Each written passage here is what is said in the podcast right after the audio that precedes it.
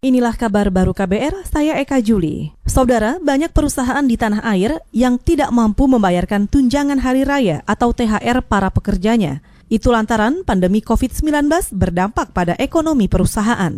Menurut Ketua Umum Asosiasi Pengusaha Indonesia atau APindo, Haryadi Sukamdani, situasi semakin bertambah sulit karena perusahaan tetap diwajibkan membayar THR di tengah wabah virus corona kalau perusahaan itu mengalami kesulitan keuangan nggak bisa dipaksa juga untuk untuk membayar THR. Kalau memang nggak punya uang sih mana? Ya kan ini kan situasi ini kan situasi yang di luar dugaan semua ya. Jadi nggak bisa begitu, nggak bisa dipaksakan. Ketua Umum Apindo Haryadi Sukamdani menawarkan sejumlah opsi bagi perusahaan yang kesulitan membayar THR, yaitu membayarkan THR dengan nominal tidak penuh, membayarkan bertahap atau dicicil sampai akhir tahun, dan membayarkan THR melalui subsidi dari pemerintah. Saudara Badan Pengatur Jalan Tol atau BPJT Kementerian Perhubungan menyiapkan checkpoint kendaraan angkutan logistik yang melintas antar wilayah saat pandemi COVID-19.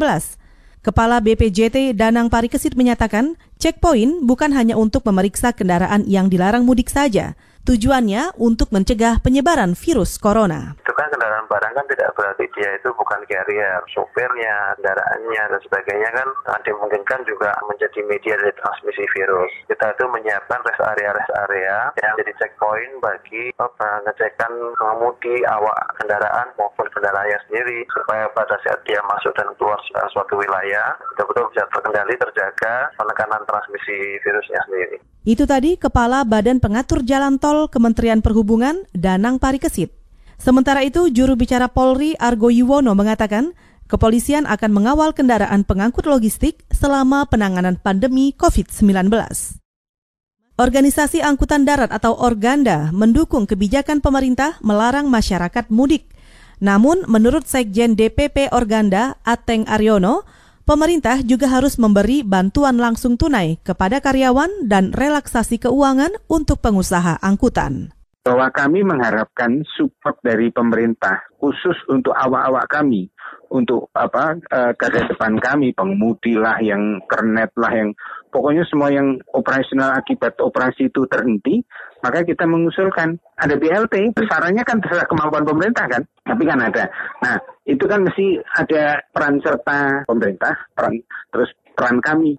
Sekjen DPP Organda Ateng Aryono juga menambahkan Relaksasi keuangan bagi pengusaha angkutan bisa terdiri dari penundaan pembayaran pajak dan kelonggaran pelunasan pinjaman. Saat wabah virus corona, jumlah penumpang angkutan turun hingga 90 persen. Saudara, harga beli emas yang terpantau di laman resmi PT Aneka Tambang per hari ini mencapai Rp928.000. Harga ini naik Rp4.000 per gram dibandingkan harga sebelumnya. Sementara harga jual emas hari ini juga naik Rp4.000 menjadi Rp827.000 per gram. Penguatan harga emas antam seiring dengan harga emas dunia di pasar spot, sedangkan harga emas dunia semakin perkasa karena dipicu masifnya aksi jual di pasar saham global. Selain itu, pasar juga khawatir terjadi hantaman ekonomi akibat pandemi virus corona. Saudara, demikian kabar baru. Saya Eka Juli.